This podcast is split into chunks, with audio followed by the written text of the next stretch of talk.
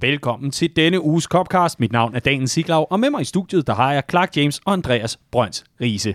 I levende live. Hvem skulle have troet det efter den sommerfest i Odense? Sikke en fest, vi har haft i Odense. Det var fuldstændig perfekt. Det var fremragende. Tusind tak for alle, der, øh, der var med, øh, og som kom hen og sagde hej og så videre. Det var, øh, det var, det var en lang dag, øh, og øh, det er bare promillen også præg af til sidst, men hold kæft, det var en god dag. Det var en god dag, og du kom sikkert og godt hjem. Det gjorde jeg, ja. Jeg... Vi, vi, vi startede jo rejsen sammen på Københavns Hovedbanegård, drog til Odense, og så på et eller andet tidspunkt tænkte vi, nu skal vi også tilbage igen. Men der var du ikke med. Og så groede vi lidt for, hvad der var hent der. Fuldstændig tilfældigt, så havde jeg mødt en af mine gamle venner, der havde været til reunion med sin, øh, med sin efterskole, og vi skulle begge to til, øh, til København. Øh, så vi tog en øl, og så var I smuttet, da jeg kom tilbage. Til gengæld så fulgte jeg med han, ham hjem, øh, og han var gamle CrossFit-venner med togkontrolløren, så, øh, så her, vi fik vand og småkager, og jeg ved ikke hvad. Øh, fik I også lov til fantastisk. at komme ind i førerhuset? Det gjorde vi ikke, nej. Nå, okay. nej. Vi fik lov til at kigge ud af vinduet. Nå, okay. Ja. Med, med småkager i munden. Præcis. Og du kom godt hjem. Jeg kom godt hjem. Det var ja. fremragende. Jeg vil sige, jeg var ikke så utilfreds med, at Andreas ikke nåede afgangen hjem, som vi jo var på, Daniel. Mm. Øhm, fordi der var nogen, der havde taget Andreas taske med. Ja. Og så fik jeg jo mulighed for, da jeg synes, jeg var blevet lidt træt og havde lidt tunge øjne, så fik jeg jo mulighed for at bruge Andreas øh, overstregningstus, som lå i et af hans små rum i tasken, som, øh, som make-up børste. Så øh, jeg, jeg fik dejlig, dejlig fin make-up på på vej hjem i toget, og vi havde en skøn tur. Det, og, og det skal lige siges, der var jeg, øh, jeg, jeg var jo rigtig glad for, at der var nogen, der tog min taske, fordi det var ude af den bedste mening, og i en tro på, at jeg var gået mod stationen, og derfor havde glemt min taske. Men, øh, men i virkeligheden var min taske jo så på et tog tidligere hjem, end øh, jeg var øh, og mine nøgler lå i den taske, så min kæreste var rigtig glad for at få lov til at lukke mig ind. Nej, hvor super. Nej, nej, nej, nej, nej, nej. Åh, oh, ja. jamen, øh, der har vi da det, det helt klare bevis på, at den sommerfest, den var lige præcis, som den skulle være. Og det var den vidderligt også. Tusind, tusind tak til Liverpool Fan Club Odense for endnu et forrygende arrangement. Og hvor var det dog rørende og fantastisk at se så mange mennesker, se så mange tilmeldte, både til spisning, men altså også til fest og farver. Og jeg skal ellers komme efter skære fantastisk arbejde, både af Nikolas, men altså også hele den gode styregruppe, der står bag alle dem, der hjælper til med maden år efter år og sørger for, at det hele bare spiller. Det er en sand fornøjelse. Det er ikke det eneste sted, der er sket noget den her weekend, men øh, det var i hvert fald der, hvor vi alle tre var til stede. Så øh, en tusind tak for festen, og vi har ikke samlet en hat, men øh, vi kommer her med en kopkast, og så håber vi, at det går trods alt. Vi skal også lige have sendt et, øh, et lille shout-out til øh, LFC Midtjylland op i, øh, op i Herning, hvor at der var øh, Majer-turnering, og øh, forlydnerne har været, at det er gået rigtig godt, og det har været enormt hyggeligt, og det er vi rigtig, rigtig glade for at høre. Dejligt at øh, høre og se, at der sker noget i øh, de mange forskellige afdelinger, vi har i Redmond Family. De her fester, hvor man altså kan øh, opleve noget så, så øh, spændende og spektakulært, som at miste sin taske, og ja, øh, få overstregningstuser til, til make-up-tasken, og hvad har vi? Jamen, øh, det er jo altså en, en, en del af Redman Family, fordi det er vores afdelinger, der holder de her fester og arrangementer. Så hvis du godt kan, kan lide at mødes med ligesindet, og være med til fest og farver og gala på drengen, jamen så er det altså Redman Family, du skal være en del af. Meld dig ind på redmanfamily.dk fra bare 25 kroner om måneden, så er du med til at... Øh, støtte op om arbejdet rundt omkring i det lokale, og så kan vi holde mange flere fester. Om mindre end en måned, så har vi altså Boss Tour Danmark. Og der må vi se, om vi kan få, øh, få dig og Taske med hjem på samme tur, Riese. Det skal blive spændende. Og omvendt skal vi se, om vi skal ned og finde nogle flere farver til din øjenskygge, Clark. Det kunne også være lidt spændende. Det kunne det. Men det, der er absolut mest spændende her i talende stund, det er, at vi i dag har offentliggjort den ene af de to legender, som kommer til Liverpool FC Legends Show, som er kurateret øh, i samarbejde med Carlsberg, som er medarrangør på de her arrangementer i Aarhus og København. Og vi lovede sidste uge, at vi vil øh, løfte sløret for navnet, og det kan vi så også gøre her i Copcast ganske passende. Vi får blandt andet besøg af Ian Rush. Halløjsa. Halløjsa. Liverpools mest scorende spiller nogensinde. Hvad så København? Hvad så Aarhus? Er vi klar? Det tror jeg nok, vi er. Hvor er det godt. Hvor er det godt. Det og derudover, så kan vi øh, altså også lige øh, minde dem om, der ikke har, øh, har holdt øje med arrangementet, eller lige har, har været forbi de sociale medier den dag, hvor det blev postet, at der altså også er musikalsk opvarmning med det band, der hedder Frit Løb, ja. hvor øh, tidligere medstifter af Redman Family, Killian Murphy, han står i spidsen, og han har altså lige været med til at varme op for øh, PDB, stor dansk rapper, som altså lige har haft øh, to gange udsolgt pumpehuset koncerter inde i København, og som nu også er i gang med at sælge til, til Store Vega. Det var nogle øh, rigtig, rigtig fede koncerter, har jeg lavet mig fortælle for dem, der har været med. Og øh, han er altså med sin kompagnon klar til at få sparket gang i festen, inden vi altså sender Jamie og company op og holder en solid boss night, som mor og far ellers lavede den. Men det er altså bare noget af det, vi laver i Redman Family, og nu har vi altså også Ian Ross med. Og så bliver det jo spændende at se, om han synes, det er en god idé, at vi skal lege farvelade med Andreas overstregningstusser i bussen hjem for Aarhus Clark. Jeg, jeg, jeg, jeg tror, vi lader være.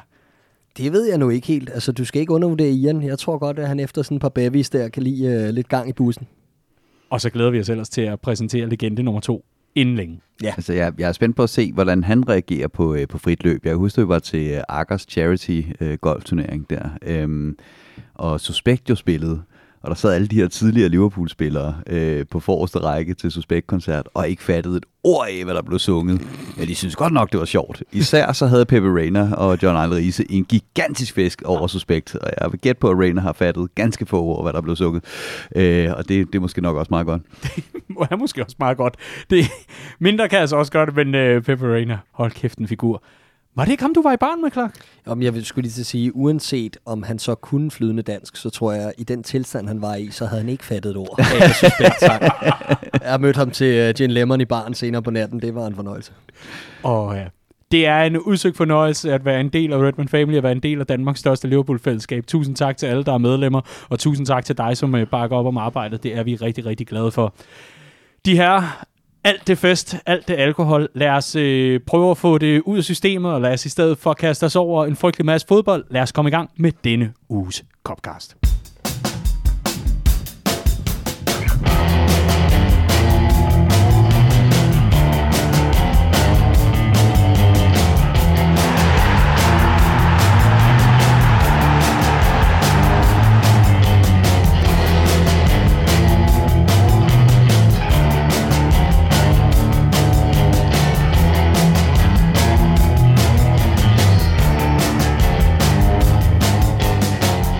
Boom. Og vi lægger altså ud med øh, opgøret ude mod Rises gamle yndlingsklub, Norwich.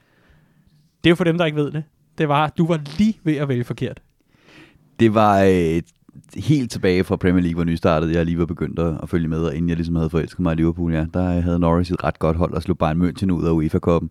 Øh, så dem synes jeg var, var ret gode, ja kunne du mærke lidt af den samme storhed øh, i øh, den forgangne uge, Carabao Cup Norwich? Var du lidt tilbage i barndommens gade og foran skærmen, eller? Nej. Nå. Nå. Så ved jeg ikke rigtig, hvad jeg skal sige. Så skal vi bare kaste os over Ja, lad os det. Ej, når man prøver at bygge noget op, og der er lidt pingpong, mm. og så falder den bare til jorden. Øv, øv, øv. Nå, Norwich mod Liverpool. Lad os øh, få den øh, seriøse hat på, og så lad os øh, prøve at se nærmere på øh, Liverpools avancement, og det var altså i den øh, forgangne uge i midtugen, hvor at øh, Carabao var tilbage i turneringen. Børn og unge glæder sig til hver evig eneste år på lige fod med øh, juleaften. Det var ikke længe, du kunne være seriøs. Nej, det var det ikke. Nej. Men øh, det er simpelthen fordi, at vi, vi sprang lidt elegant over det, og jeg havde det egentlig også fuldstændig ude af hovedet, indtil jeg kom i tanke om, gud, vi har også spillet mod Norwich i den forgangne uge. Og derfor så skal vi selvfølgelig tale om opgøret, hvor Takumi Minamino lyner to gange. Clark, ja. det her opgør, hvad er det for et? Øh, det er et opgør mellem to øh, reservespækket hold, som øh, ikke prioriterer turneringen af, af vidt forskellige årsager, men, men fuldt forståeligt i begge retninger. Øh, Ligakoppen er jo en, en sjov størrelse, ikke? Øh, og øh, for Norwich vedkommende, så har de fået en enormt dårlig start på, på Premier League i år, og, og selvfølgelig er de nødt til at prioritere øh, og komme i gang i, i Premier League, så det var alle deres reserver der på, og ligeledes for os. Vi har en ret smal trup og er nødt til at, øh, at vælge igen, ligesom vi har været i mange sæsoner i Jürgen Klopp, og vi har valgt Champions League og Premier League, og det kan jeg godt forstå.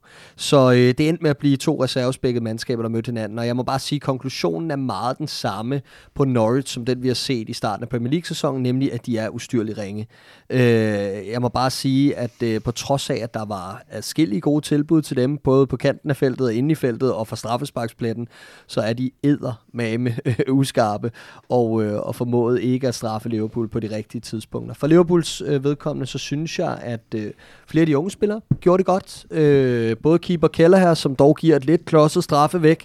Ja, rigtigt, det er øh, Conor Bradley på højre bak, der, der kommer ind i en noget øh, hasarderet takling, om man vil, i, i situationen, men, men det er Keller her, der giver en skidt retur. Gør det så godt igen fra, øh, ja, da, da der bliver sparket for 11 meter. Og så synes jeg ellers, at, øh, at Katie Gordon, som fik chancen op foran, var, var utrolig lovende, og det samme var Tyler Morton, der kom ind mm. i, øh, i anden halvleg og, og, og styrede egentlig midtbanen rigtig fint. Mm. Når man ser på startelveren, så vil man se, uh, som du er inde på, altså Keller, uh, Keller er med fra, fra, fra start, men altså en bagkæde bestående af Bradley, Konaté, Gomez og Zimikas. Og uh, så er vi ellers klar til, til kopkamp, var Riese. Men, men, øh, men, men ellers overordnet, hvis, hvis man så rykker længere ned, så kan man jo så se, altså, at øh, Keita, Jones, Oxley Chamberlain, det, det begynder jo at lugte af noget, og noget i forhold til de her French players, eller hvad, hvad pokker vi kan kalde dem, dem der er lige i udkanten af øh, førsteholdet i forhold til i hvert fald at starte inden startopstillingen, lad os kalde den det i stedet for, for, for, for Liverpool. Sådan helt overordnet, når vi kigger på nogle af de der rutinerede navne, hvordan klarer de det så? Ja, altså, det, det, det kan jo kun være positivt, at når vi har hele den her debat om bredden i truppen, at øh, man så går ind og leverer det, de går ind og leverer i sådan en kamp som den her, øh, Minamino og Origi. øh, Øh, primært selvfølgelig.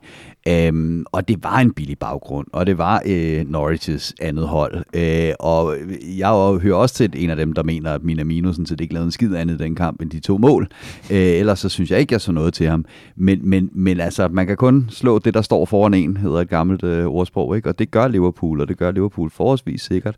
Og det er med, hvis jeg kunne vælge inden den her kamp, hvem jeg gerne ville have i gang, hvem jeg gerne så, der scorede de mål her, øh, jamen så var det, så var det Minamino og Origi, fordi det er dem, vi, vi har brug for, øh, mm. kommer i gang til, til den offensiv. Ligegyldigt om man så hører, som mig hører til dem, der mener, at de burde være skibet afsted og været øh, udskiftet med noget andet.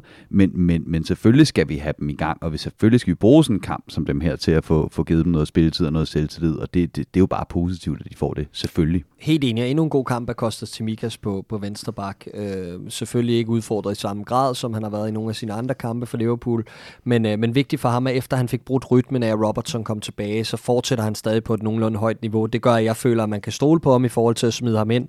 Øh, hister her, når det bliver for tæt i kampprogrammet, og det er bare super vigtigt, især med tanke på vores bredde eller mangel, mangel på samme. Midtbanekonstellationen. Øh, ærgerligt at se Keita gå ud skadet. Heldigvis er han allerede tilbage, var i fuld træning tidligere i dag, og, øh, og ser altså ud til at, at klare kottet i forhold til både den mm. vigtige Champions League-kamp i Porto og øh, det, det store opgør mod Manchester City i weekenden.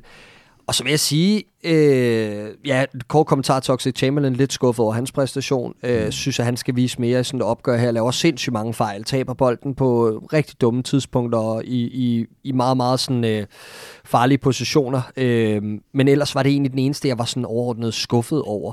Øh, Origi, jeg synes... Øh, The man, the myth, the legend, ikke? Altså, vi snakkede om ham i sidste uge, hvor øh, jeg sagde til dig, Andreas, du skal passe på med at pille ham fra hinanden. Altså, lige om lidt, så laver han et masterclass, og ganske rigtigt, han øh, mødte jo op til den her kamp, som var han lyn og torden, ikke? Og øh, ej, men on a serious note, jeg synes, han spillemæssigt gjorde det meget bedre, end jeg har set længe. Har det jo med at falde lidt ud af kampene, og han er jo en lidt underlig karakter, Origi, ikke? og vi har snakket meget om, at han har ikke niveauet til at spille fast for Liverpool. Og nej, det har han selvfølgelig ikke, men det er bare vigtigt at se, at der trods alt stadig er lidt i ham i forhold til de her kampe, så vi kan sætte ham ind, og øh, at han stadig kan indgå i nogle relationer med de andre, laver både et, et, en, en, en assist efter en dødbold og, og en scoring, og var faktisk en trusselkamp igennem. Så det synes jeg, øh, det synes jeg egentlig er, er, er ganske fint. Mm. Når man, øh, hvis vi lige skal færdiggøre snakken om, om startopstillingen, og, og så måske lige komme ind på en, en kort bemærkning eller to om selve opgøret, men, men, men når, man, når man ser på, på de hold, der er med, og altså også bare ude på bænken, så det er jo altså ikke fordi, at vi, vi har den der, forstå mig ret, når jeg siger det, halve børnehave med, hvor øh, gennemsnitsalderen er altså omkring 14-15 år. Det er rutinerede spillere, og det taler vel egentlig meget godt ind i den her, øh, hvad kan man kalde det, fortælling, som Jürgen Klopp har prøvet at, at, at, at skabe omkring starten på den her sæson, der er, at vi er stadig i gang med den sidste del af vores preseason. Ja, ja, 100 procent. Og, øh, og, og det er jo den bredde, vi nu engang har. Så kan man mene, den er god nok, eller den, eller den ikke er. Men det er nu, den skal bruges, og det er nu, den skal ind og, og i gang.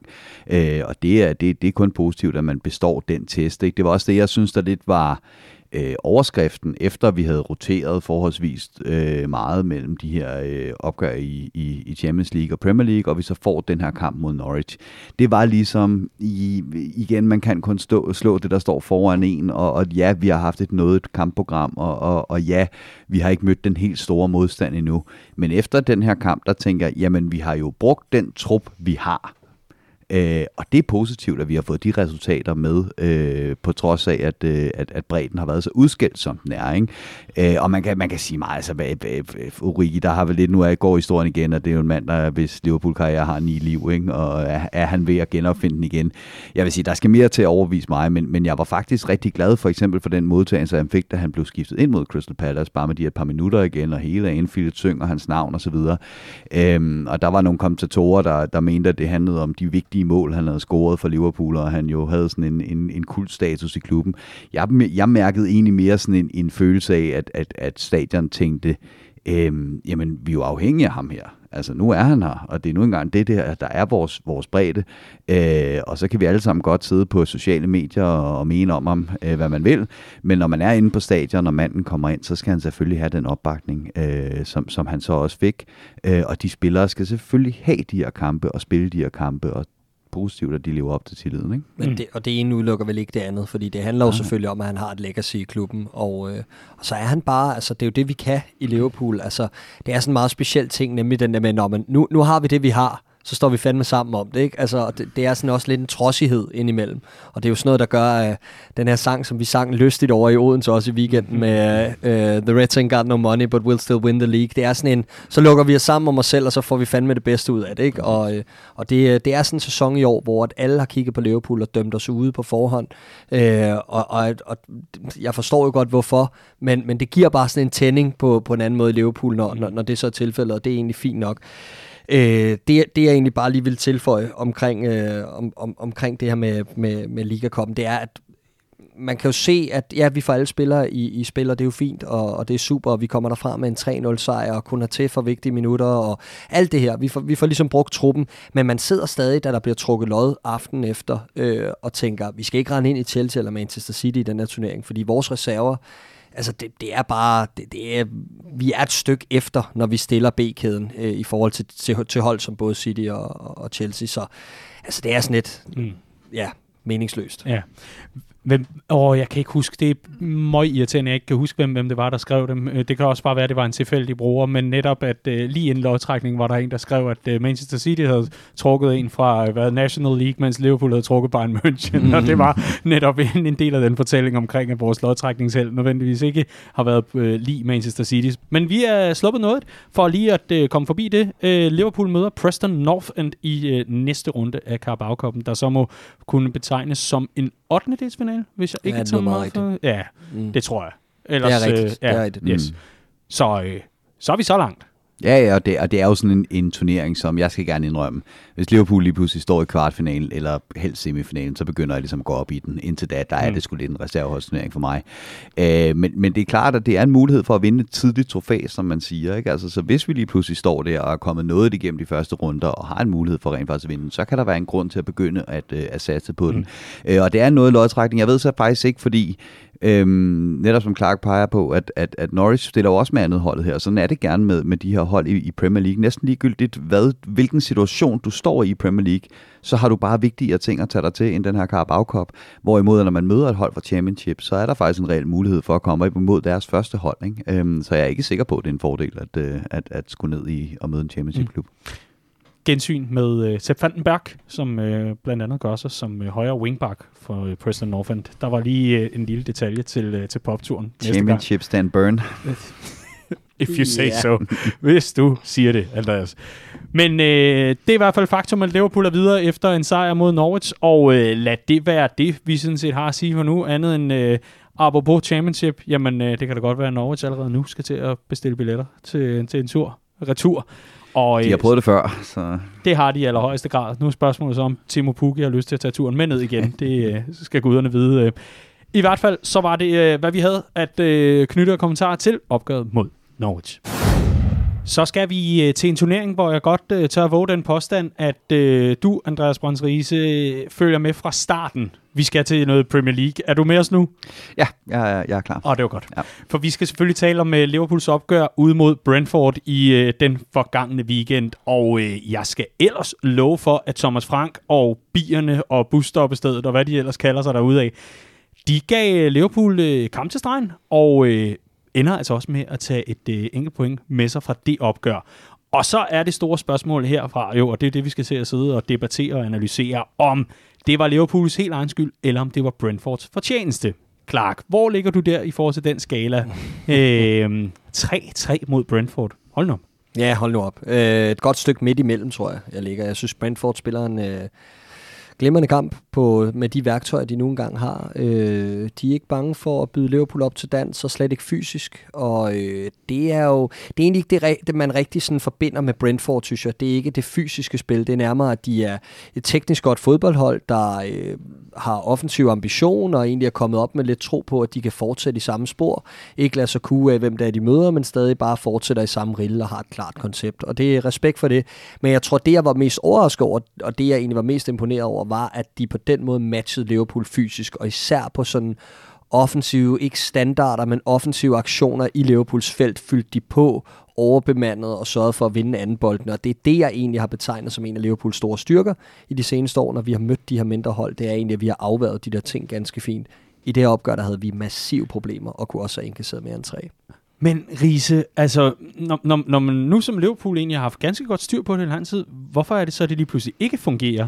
Den her lørdag. Ja, det kan også Altså, vi havde, vi havde jo diskussionen inden omkring det her med, at der kommer de her små hold op, som har et eller andet fast koncept, og som øh, ligesom rider videre på sådan en oply- øh, oprykningsbølge. Øh, og det er jo klart også, det Brentford er i gang med her, og det er bare et rigtig uheldigt, det er ikke for at lave undskyldninger for Liverpool, for det er en kamp, som Liverpool skal vinde, men det er et dårligt tidspunkt at møde sådan et hold på, øh, hvor de har så meget momentum, som de har der. Og det har de, og det er fint, og de spiller deres chance. Øh, de, de har nemlig det her, som Clark siger med, det er ikke nødvendigvis øh, standarder, men, men et af deres mål kommer efter, at de har heddet en helvedespunke mennesker med op på et øh, indkast, som så bliver afvist. Og så lader de bare folk blive deroppe. Ikke? Altså, så, så, så de var ikke bange for at fylde feltet op, altså tage deres chancer, når, når, når der opstod en chance for at fylde, øh, fylde feltet op, øhm, og så gå ind og matche øh, Liverpool i, i, i den del af spillet. Øh, og det er jo også det, deres mål kommer på. Ikke? Altså, der har været lidt kritik af Trent Alexander-Arnold efter den her kamp, og det kan jeg dels forstå, men dels så synes jeg også, at han var fuldstændig prisgivet, fordi der i den grad bare blev fyldt på i feltet øh, og så blev vi øh, så blev vi simpelthen overmandet, ikke? Øhm, og det var jo det var jo sådan lidt nogle øh, stikket in the mixer mål, ikke? Altså øh, masser af mand i feltet, så slår vi den ind over, og så ser vi, hvad der sker. Og der skete så bare det, at de var hurtigst til at reagere på kaos i, i feltet. Øh, og, og, og det var skuffende fra et, fra et Liverpool-perspektiv, for det virkede meget lidt autoritativt, og det virkede lidt som, øhm, som nogle af de her kampe, vi havde under Jürgen Klopp i starten, hvor det, man blev ved med at føle, at de kan sgu godt score et mål til. Ikke? Altså, der er sgu ikke styr på det dernede. Og mm. det var, det var et, en uvelkommen throwback til en rigtig irriterende tid. Men, men det er jo egentlig også lidt, lidt øh, overraskende, må man sige, og, og bryder jo også lidt med igen den her fortælling, som er blevet bygget op omkring Liverpool, i hvert fald i, i starten af sæsonen, hvor jeg ved, at du, Clark, jo udnævnte øh, Matip og Van Dijk som værende det bedste stopperpar i Europa. Det synes jeg da, der var langt til øh, den, den erklæring i forhold til, hvad, hvad vi så mod Brentford. Altså lige pludselig mangler man bare autoritet og lederskab nede i, i bagkæden, eller hvad pokker går der galt? Ja, vi snakkede også om i sidste uge, at, at Liverpool meget, meget sjældent taber øh, de her kampe til de små hold, der mister point, når, når en, en spiller som Virgil van Dijk er på banen.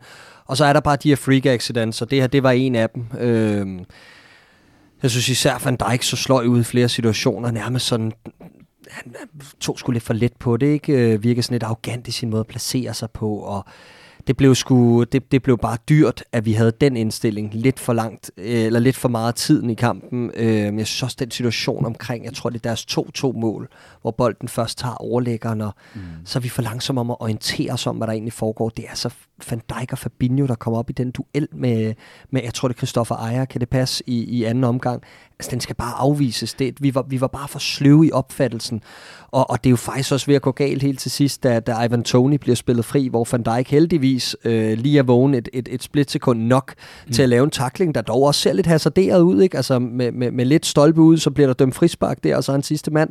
Så altså, jeg, sy- jeg synes, vi var lidt for meget på hælene. Øh, og, så, og så kender vi bare ikke helt vores besøgelsestid i forhold til, at da vi kommer på 3-2, og faktisk øh, en af de få gange, jeg husker i hvert fald fra den kamp, og jeg, Gud skal, guderne skal vide, at jeg gør mit bedste for at huske alt, hvad jeg kan fra den kamp. Men, øh, men, men der får ja. vi faktisk spillet os ud af presset for Brentford, øh, hvor Andy Robertson ned fra bagkæden får spillet den op på en shorter, der kan vende over midten, Og så har vi den her situation, hvor vi alt for mange gange i sæsonen indtil videre har været for uskarpe i forhold til at spille angrebene store. Og her der får Shorter givet den til Mané, og selvom Mané har 19 ud af 20 gange i den her sæson træffer den forkerte beslutning, så her der ligger han altså bolden på et sølvfad til Mohamed Salah, der bare skal afgøre det. Og så bliver det en afslutning, som bliver sådan en, den ser lidt mærkelig ud, fordi han prøver at finde målmanden og chippe den over ham, og så i stedet så bliver målmanden stående, han kunne egentlig bare have lagt den ned forbi ham, chipper bolden over måler. det er bare sådan en chance der. Scorer vi der, så kan man tilgive alt, hvad der er sket i sådan en kamp, der, men det gør vi ikke, og så, og så bliver det endnu et kludermål til sidst. Mm. Så selvom Liverpool scorer tre, så er det altså manglende skarphed i øh, afgørende situationer, som øh, kommer til at koste os dyrt. Og omvendt så har Brentford vel egentlig også en, øh, en æske chokolade til, til deres keeper, David Raya, efter opgøret, må man gå ud fra. Ja, han var vanvittig god. Han var vanvittig god, Raya. Øhm, og, og det er netop det, altså det, når man sidder efter den her kamp, så synes jeg, det er svært at sidde med, med en anden følelse, end at, at Liverpool egentlig har kontrol nok over kampen. Øh, jo, de går op og presser os, Brentford, men vi får egentlig sat os okay på opgøret i lange perioder, for at spille os frem til de chancer, vi skal bruge, og for så bare ikke klappet den ind. Jeg synes så også, der er en, øh, en, en ting omkring, det er måske sådan lidt en, en, en nørde øh, snak, ikke?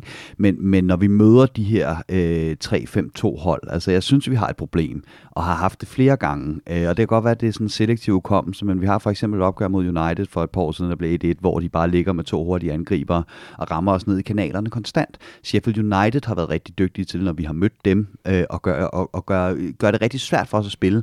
Og det handler om det her med, at de, de har to mand oppe til, på, vores, øh, på vores to øh, øh, centrale forsvarsspillere, og vi tager vores bak sindssygt højt med op med i spillet. Men i og med, at de har sådan en, en fembakkæde, hvor der hele tiden kan ligge og støde en op på vores bak, mens den anden gør det til en firebakkæde, så de er ligesom hele tiden fire mod tre nede i forsvaret. De får ligesom taget vores baks lidt ud af spillet, hvis ikke vi kan skifte øh, spillet hurtigt nok. Og når det så går den anden vej, så er de to mod to, og det er bare noget, som, som vi ikke er særlig gode til det spil, synes jeg. Så, så det gjorde, at en Matip og en Van Dijk var lidt på hælen og ikke rigtig kunne få det der øh, overskud.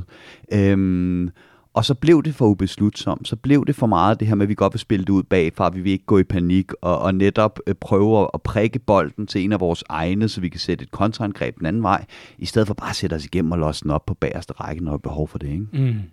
Så der var noget ubeslutsomhed, og der var lidt øh, for meget venten og så videre. Det, det giver rigtig god mening i forhold til i hvert fald det kampbillede, der var, øh, hvor Liverpool jo øh, selvfølgelig kommer bagud. Det er, jo, øh, det er jo værd at notere sig, altså at øh, Brentford bringer sig foran efter, efter 27 minutter, og, øh, og så er festen ellers i gang på øh, Brentford øh, Community Stadium, er det ikke det, det hedder? Jo. Jo. Jo, det gør det. Super. Det var godt. Det var en fuldstændig ligegyldig detalje, men... Øh, ganske rigtigt, Brentford Community Stadium, men bringer sig altså foran efter, efter 27 minutter, og så står man lidt der og tænker, nå Liverpool, hvad så? Men så er det heldigt, at Diogo Jota, han kan score med hele hovedet, ikke også, Riese? den, det var et rigtig flot hovedstød øh, med fjeset. Med fjeset. Men den sad godt. Den sad godt. Jeg synes, det var et af flere gode angreb, vi mm. faktisk sætter sammen, og det er også det, der er sådan, jeg synes, det er en meget, meget øh, speciel kamp, fordi jeg synes egentlig, vi gør det godt frem af banen. Jeg synes, at ham, som skal ind og løfte den helt store arv lige nu, er jo Curtis Jones, fordi hele vores midtbane falder som fluer lige i øjeblikket, og det er en gyld mulighed for ham. Jeg synes, han spiller en fremragende kamp, har et glimrende hug på stolpen, hvor Shota øh, bliver taget ud på returen af en eller anden øh, one in a million øh, save fra, fra Raja, ikke? Øh, og, og jeg synes faktisk, der er rigtig mange gode momenter i første halvleg den Salah også har, der bliver reddet på stregen. Øh, og jeg synes egentlig, vi spiller en, en glimrende kamp, og en af, en, af de, øh, en af de gode angreb, vi får sat sammen, det er nemlig det her øh, Jordan Henderson-indlæg, der ender i hovedet på Shota. Og øh, hvor var det dejligt at se ham få scoret igen, øh, fordi øh, der begynder at være sådan lidt en ting omkring ham, med at han scorer i steamer, og så bliver der lidt stille omkring ham. Og jeg synes bare, at jeg kan bare genkende det fra Sadio Mane, og det er så frustrerende, fordi vi kan alle sammen godt se, hvad det er, han kan, når han er god. Men, øh, men det skal ikke blive sådan en ting, at der lige går to kampe, før vi ser ham igen sætte to-tre gode kampe sammen. Det, øh, det vil være ærgerligt. Mm.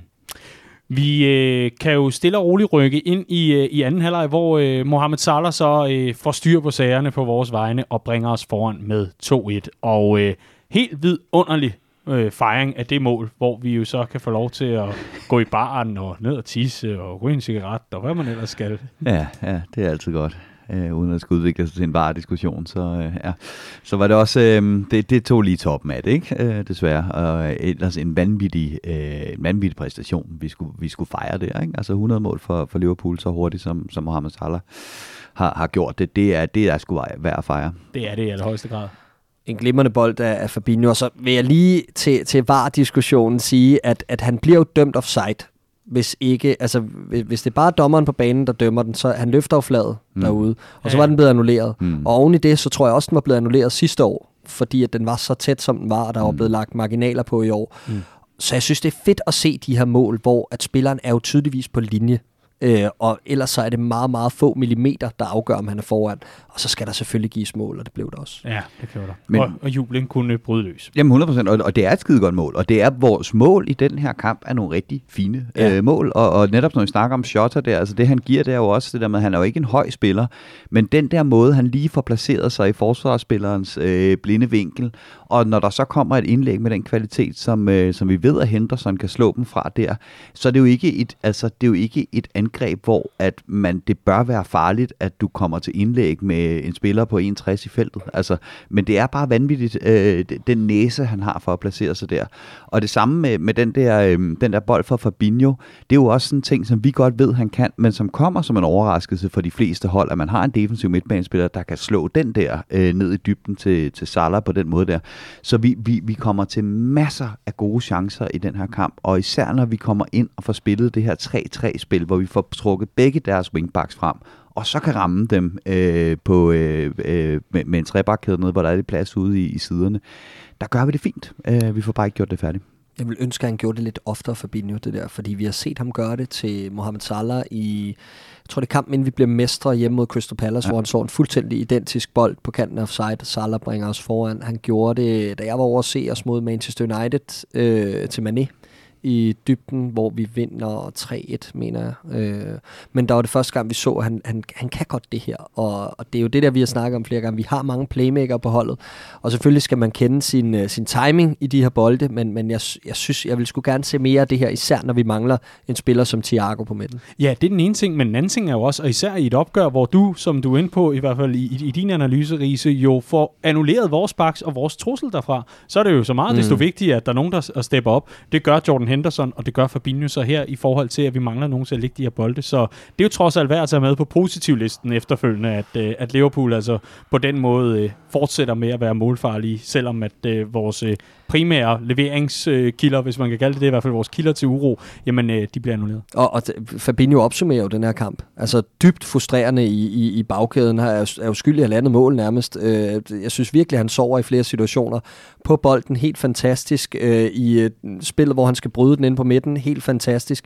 Fuldkommen nat og dag. Og det er også derfor, det er sådan lidt mærkeligt at sidde og være, være utilfreds. Også fordi jeg tror egentlig, Brentford kommer til at skabe rigtig mange problemer for flere af topholdene, mm. øh, der kommer på besøg. For jeg tror, det er, det er en taktik, der er svært at dæmme op for øh, når du kommer som favorit og skal skabe spillet, og du skal frem af banen, jamen så ligger de bare med 3-4 mand i feltet hver gang. Den er svær. Det, det er den. Og øh, det var så Liverpool, der øh, ja, fik lov til at opleve det. Men vi skal altså lige forbi Curtis Jones og, øh, og det her mål. Det var du rigtig, rigtig tilfreds med, Clark. Ja, absolut. Øh, fantastisk scoring. Øh, og jeg elskede alt ved det, øh, på nær at det blev udlignet.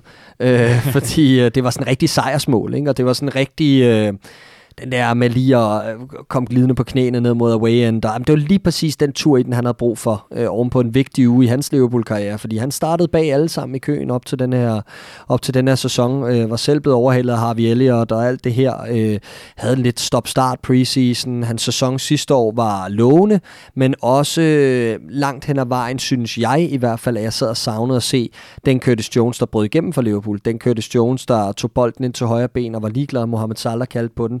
Så prøvede han at krølle den op i krogen. Han havde selvtilliden til at ture de her ting. Så er det meget tydeligt, at han sidste år blev skolet til at øh, kende sine begrænsninger, til at øh, vælge sine momenter med omhu, og jeg synes tit, han blev for forsigtig, og jeg var lidt bange for, at han blev skolet til at skulle være lidt for meget en Gini Wijnaldum, så synes jeg rigtig meget, at den her sæson er sådan en, en, en vigtig en af slagsen for Curtis Jones på den front i forhold til, mm. hvad for en spiller vil du gerne være på det her Liverpool-hold. Og han så går ind, da han får chancen her, og bare klapper den ind for 30 meter i et, i et afgørende moment. Kæmpestort for ham, og super, super ærgerligt, at det ikke bliver et sejrsmål, for det kunne virkelig have været rampen til noget, mm. til noget stort. Og jeg tror stadig, at, at, øh, at han starter øh, kampen på søndag mod Manchester City, og den bliver super vigtig. Ja, det gør den, og vi, vi skal nok komme til den i slutningen af udsendelsen. Bare rolig, kære lytter. Det er altså ikke fordi, at øh, vi, vi skotter lidt og elegant over det. Men Riese, det jeg så vil spørge dig om i forhold til Curtis Jones, det er jo lidt, jeg synes, du opsummerer det meget fint, Clark, men det må have været så frustrerende for Curtis Jones. Der er jo et eller andet sted, har bygget sig op til, ja, yeah, local lad, og nu er det fandme min tur. Han kan jo se øh, ned, hvad jeg lige vil sige, i hvert fald ud til siden, og se en, en Trent Alexander-Arnold, der jo virkelig har fået bygget navn for sig, og også bare blive ved med at bevise, at der ikke rigtig er nogen over ham overhovedet. Hvem skulle det dog være i, i den kø? Curtis Jones kommer ind og scorer et af de her mål, som vil blive husket nærmest for evigt mod lokalrivalerne, og ja, du kan jo selv skrive resten af siden, var jeg lige ved at sige, som øh, prisvindende forfatter, i hvert fald i, i vores hjerter, ikke? men, men, men, men faktum er jo, at, at Curtis Jones jo netop har haft en rigtig frustrerende periode, og, og måske også lidt en, en, en halv identitetskrise omkring at skulle omskoles og, og, og castes til noget nyt, og hvad ved jeg. Hvad er Klopps plan for ham herfra? Hvad tror du? Hvad tror Jamen, du, Klopp han sidder og tænker, Curtis, det skal være hvad? Det er nemlig et rigtig godt spørgsmål, fordi det har også været, det har været lidt svingende for ham. Ikke? Han har haft de her fuldstændig absurde præstationer, hvor han har været klart man of the match for Liverpool, også på den helt store scene. Altså i Bergamo var han absolut Liverpools bedste spiller. Men så kommer der de her kampe, hvor at, at, øh, at det, øh, det bliver for usynligt og for sikkert og for altså, ligegyldigt et eller andet sted. Ikke? Og vi ved jo bare med, med den måde, Klopp han spiller på med de her otter, øhm, hvor vigtige de er for systemet, men også hvor, hvor mærkelig en rolle det egentlig er, de spiller, og hvor, hvor vigtigt det er, at man er consistent på den plads. Ikke? Og der har, han, der har han haft et problem med at finde det, og så har han netop blevet sådan en lidt for ligegyldig løbende box-box midtbanespiller, der rammer på 98% af sin aflevering, men ikke gør nogen forskel. Ikke? Så, så, så planen er jo helt klart det her med, at han skal ind, og det skal han kunne, og han skal lave robotsarbejde, men vi vil jo godt have de her, øh, de her kampafgørende momenter for ham.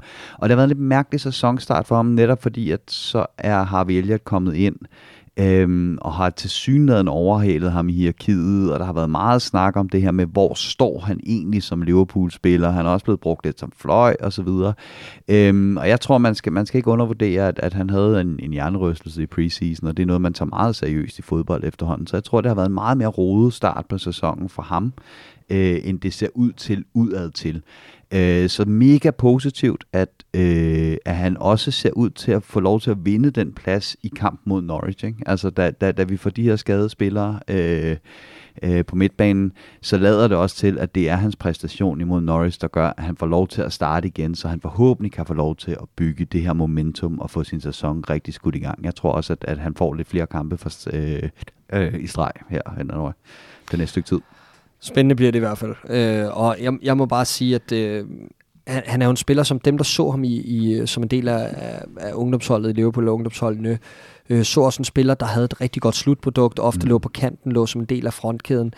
Jeg synes jo, han har en, en god fysik. Jeg synes, han har et mål i sig. Jeg synes, han har glimrende teknik jeg kunne faktisk godt se ham, det lyder helt absurd, men jeg kunne godt se ham som nier på et tidspunkt. Jeg synes, han har noget af det, vi skal bruge i nier, og han er god i link-up-spillet, øh, og øh, i forhold til det der med at løsrive noget af hans... Øh, hans sådan, øh, øh, den her fantasi, så kunne jeg rigtig godt se det ske, så længe vi ikke har den der udprægede nier, som leverer gang på gang. Øh, men øh, der har vi jo Oxley Chamberlain som næste i rækken åbenbart. Øh, så, øh, så Curtis på nieren som, som mit projekt heroverfra, øh, kunne, kunne jeg godt se var interessant. Men det har hele tiden haft den der teori om, at han godt kunne blive sådan en utility player, mm. øh, fordi han, han har spillet fløj, øh, har også hurtigheden til det, har noget gennembrudstyrke, mm.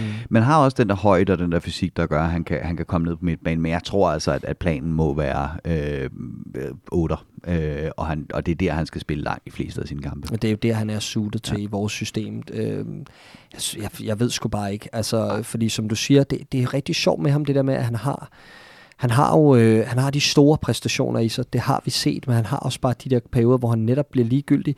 Men prøv at kigge de der mål, han laver mod, til dels Everton, der vi har snakket om også, det han laver mod Ajax i Champions League på hjemmebane, hvor han fuldstændig elegant tæmmer bolden i kassen fra mm, baglinjen præcis. nærmest. Ikke? Altså, han, er, han er virkelig en, øh, altså, han er, han er en spiller for de store momenter, Øh, det her mål, han laver i weekenden, er jo et fantastisk Præcis. mål. Altså, og øh, ja, jeg, jeg, jeg synes bare, der er, der er noget målscore i ham og noget afgørende, og jeg kunne, jeg kunne sgu godt se, om det brugt lidt længere. Men det er altså også en rolle, hvor vi skal huske på, at større, større spillere end ham har skulle bruge rigtig lang tid på at finde på plads i den mm. rolle. Han er stadigvæk en, en ung spiller. Ikke? Øh, jeg synes ikke, der er nogen grund til at ja. gå i panik over, øh, over ham endnu. Og så ellers så er det, så er det, så er det, mest, det, der må være mest irriterende og frustrerende for ham, det er, at den udskiftning, den var åbenlyst planlagt Mm. Øh, altså, når man får lov til at klappe den der ind til, øh, til 3-2, og så bliver pillet ud lige bagefter, det må sgu være nederen, ikke? Det kunne også have noget at gøre med, at han skal spille begge kampe Ja, ja, i, i ugen, der nok. kommer. Ikke? Jo. Det ved kun Klopp, øh, i hvert fald som det ser ud lige nu, Klopp og trænerstaben. Mit, øh, mit sidste spørgsmål er faktisk i forbindelse med, med Curtis Jones, fordi ellers synes jeg, at vi, at vi er kommet godt rundt om det, øh, hvordan øh, Thomas Frank og company altså fik, øh, fik tæmmet os på dagen. Men det er jo lidt, hvad pokker gør Curtis Jones så, når de andre kom vender tilbage fra lazarettet og har været en tur forbi doktormanden og fået en krykke, og hvad skal vi, hvad skal vi ellers bruge?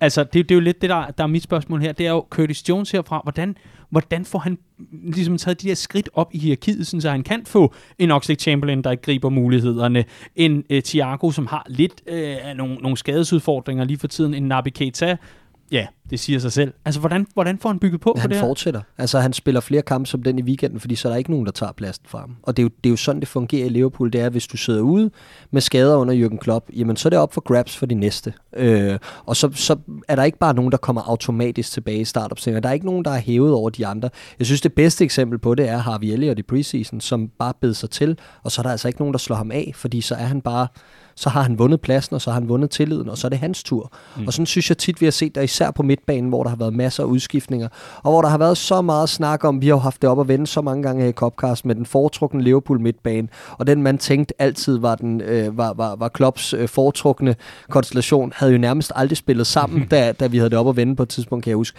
Så, så jeg tror virkelig bare, det er om, og det siger Klopp også, at øh, de ser alle sammen, hvad det er, han er for en spiller, Curtis Jones, og de ser alle sammen potentialet, men han har bare ikke været stabil nok, og det er der gode forklaringer på. Han er en ung spiller, så selvfølgelig følger det med, at der kommer udsving. Men nu er det op til ham. Han har en god alder, det nævnte Klopp også efter kampen. Han har en god alder nu til at bevare det niveau og holde sig deroppe. Så han åbner også døren for, at, at, at det her ligesom normen, så spiller han fast for Liverpool. Mm. Ja, jeg synes, det er en, en sandhed med modifikationer, at Klopp ikke har favoritter, fordi vi har tidligere set fronttrioen for eksempel, at en shot er kommet en grebet chancen, og sidder han på bænken lige pludselig igen, fordi der skal være plads til de tre forreste. Vi har ofte set øh, Matip i en god periode blive roteret ud, fordi at det var Gomes og, og Van Dijk, der var det foretrukne makkerpar. Uh, så jeg tror ikke på den måde, at Curtis Jones han kommer til at slå en Thiago øh, af, men jeg tror, det er med i øh, overvejelserne før den her sæson, at vi har mange midtbanespillere, der er skadespladet, der har brug for deres pauser, hvor der kommer helt naturlige muligheder for at komme ind. Øh, og der tror jeg, at sådan en som, øh, som, som Curtis Jones, der skal nok blive masser af kampe til ham. Sidste spørgsmål. Venter der Curtis Jones en god sæson? ja, det tror jeg. Mm. Det, bliver en, det bliver en sæson, som han vil se tilbage på og sige, det var, øh, det var alligevel en til, ja, en, Ja, en til minderne og en ja, til skrabbogen. Jeg synes, at, jeg synes, at situationen flasker sig for Curtis Jones med på den måde, at der åbner sig altså en dør nu for, at vi har mange skadesblade folk på midtbanen. Vi er allerede i en situation, hvor vi trækker hårde veksler på, på enkelte, og der er en mulighed for at få en masse spilletid på et rigtig godt tidspunkt for ham. Så han virker til at være i god form og være klar til at gribe chancen. Jamen, jeg er enig. Enig. Så øh, gode nyheder til dem, der øh, har Curtis Jones på, øh, ja, på, på, på trøjen, og øh, generelt øh, holder rigtig meget af den øh, unge skavser. Vi holder øje og ser, om øh, forudsigelserne de holder stik. I hvert fald så var det, hvad vi havde at øh, knytte kommentarer og analyser og debat til opgøret mod Brentford. Ingen Copcast uden Bella og Birdie, og det er det, vi er nået til nu, hvor vi altså har fået rigtig mange gode øh, bud ind fra øh, medfans, og øh, vi starter som bekendt med det, der var værst i ugen, der gik. Vi starter med Birdie og Clark. Hvad har du med til os i den her uge? Jeg har med til os, at vi øh, lignede Liverpool i 2015. Jeg synes, vi øh, defensivt så... Ja, det er defensivt, jeg tænker på. Defensivt så vi ud til at være all over the place. Det kunne lige så godt have været Martin Skærtel og indsæt anden middelmodig partner nede i den centrale defensive akse, der spillede for Liverpool. Jeg synes, vi var alt for nemme at, øh, at bosse rundt med, og jeg synes egentlig, Brentford gjorde det fint på den front, men jeg synes lige så meget, at vi, bare, vi, vi skal bare være bedre i de situationer. Jeg savnede bedre timing i flere momenter. Jeg savnede, at der var afstemt rollerne for, hvem skubber op, hvem øh, falder i, i visse situationer. Meget, meget simpelt øh, i forhold til sådan, øh, vores gameplaner, i forhold til måden, vi plejer at afvise nogle modstandere på. Og så synes jeg ligeledes omkring de indlæg på bagerste stolpe, at det burde vi også have læst op på og vidst, at Brentford kom med. Øh, og der, der så vi virkelig svage ud. Så lad os håbe, at det var en enig svale. Øh, og det tror jeg også på, at det var. Øh, men jeg synes, forberedelsen til den her kamp og vores tændingsniveau var helt off din birdie i den her uge, Riese? Vi laver en indskiftning i den her kamp, og jeg synes, det er irriterende, at vi igen, igen, igen skal sidde og snakke om indskiftninger, for det er en, en kritik, der ofte bliver, bliver rettet mod Klopp. Ikke? Og man kan sige, at det er Firmino, der kommer ind netop for Curtis Jones, og jeg synes, det virker mærkeligt. Jeg er med på, at han så skal spille i midtugen og det her, men, men så kigger vi igen, når vi skifter ind på kommende kampe. Øh, Klopp han nævner, at, at Firmino er et bedre bud på en at komme ind og, og afgøre kampen, altså score det ekstra mål, vi har brug for. Ikke? Øh, det er derfor, vi går offensivt.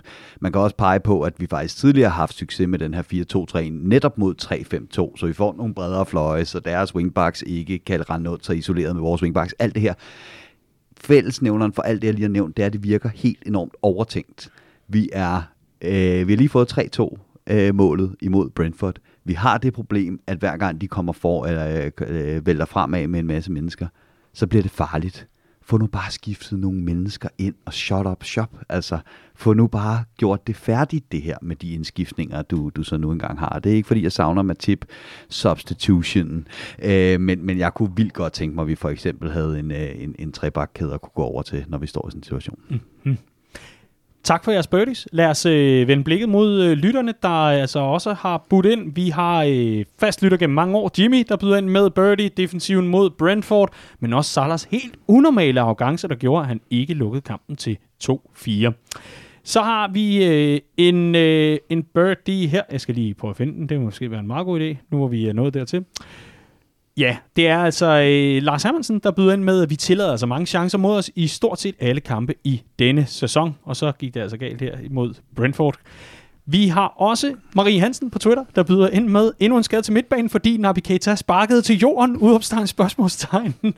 Men han er altså tilbage, Marie. Så øh, det, en, en, en, lille birdie, en lille birdie til Nabi Keita. Lad nu være med at sparke dig selv i stykker i jorden. Det er altså for åndssvagt. Nå, åndssvagt. Markus skriver bak, runder vi af med i forhold til birdie omgangen her. Joel Matip, han havde godt nok en off day i en anden verden, og er vel basalt set skyld i målene til 2-2 og 3-3. Bum. Det er øjnene, der ser. Og øh, sådan er det så dejligt, at vi har øh, Bella og Birdie til at øh, få flere holdninger ind end, øh, end jeres. Men lad os komme væk fra det dårlige, fordi det har været en god uge trods alt. Vi er videre i Cup Bagkoppen, og der var sommerfest og rafleturnering og alt muligt andet. Der er så mange ting, vi kan glæde os over, Clark. Ja. Så kom med den Bella, så vi kan få den mundvig op igen. Bella er øh, modsat den ene birdie, så vil jeg sige Mohamed Salah. Øh, jeg synes, han ser knivskarp ud, og det kan godt være, at han bør lave to mål i den her kamp, og med lidt god vilje også et her trick. Jeg synes også, at det er super uheldigt godt forsvarsspil på den, på den første, som han prikker forbi Raja og egentlig er tæt på at sætte i kassen. Øh, laver det helt rigtige løb, scorer, øh, hvad der et eller andet sted burde have været det afgørende mål på et kritisk tidspunkt i kampen. Øh, og til sidst, ja, yeah, han, han laver en fejl på den afslutning, træffer den forkerte beslutning, men jeg synes, han er en evig trussel, og jeg synes, han er han virker så fysisk godt forberedt. Øh, både til den her sæson, men også til, til en meget, meget vigtig del af hans karriere, hvor nogen går i stå på det her tidspunkt, når de nærmer sig de 30 år, og andre de siger bare, jamen jeg er klar til at sætte den i næste gear, og, øh, og det tror jeg virkelig Mohamed Salah er. Lad os få den kontraktforlængelse på plads, fordi han er øh, uvurderlig for vores fremtid. Ja, Inden vi øh, når til dig, Riese, så vil jeg jo lige øh, komme med en øh, korrigering i forhold til, øh, ikke noget I har sagt, bare roligt, men i forhold til en historie, som altså har spredt sig, som jeg stadigvæk hører på, fordi jeg hørte den også lidt rundt på poppen i weekenden, og har hørt den lidt i, her i indledningen af sæsonen. Der, der går en historie om, at Mohamed Salah kræver over 500.000 pund om ugen i sin kontraktforlængelse. Det, det er altså hævet ud et vist sted fra, så må man selv finde ud af, hvor, hvor, man, hvor man tænker det er fra. Det, det er slet ikke i nærheden af det, og det er altså vel øh, assorteret kilder her, der siger, at det er slet ikke så højt et beløb, der, der er tale om i forhold til, hvad, hvad Salah-lejren kræver. Hvilket beløb der så er tale om, om det er 475.000, det kan godt være, men det er i hvert fald ikke 500.000. Så, øh, så grådig er han ikke, den gode Ægypter. Men helt enig, lad os, øh, lad os da få noget mere papir på ham. Det vil da være en øh, sand fornøjelse god ja. lang kontrakt til ham. Slut den karriere hos os. Ja, men det er, jo, det er jo en del af en længere diskussion, fordi grådighed, altså...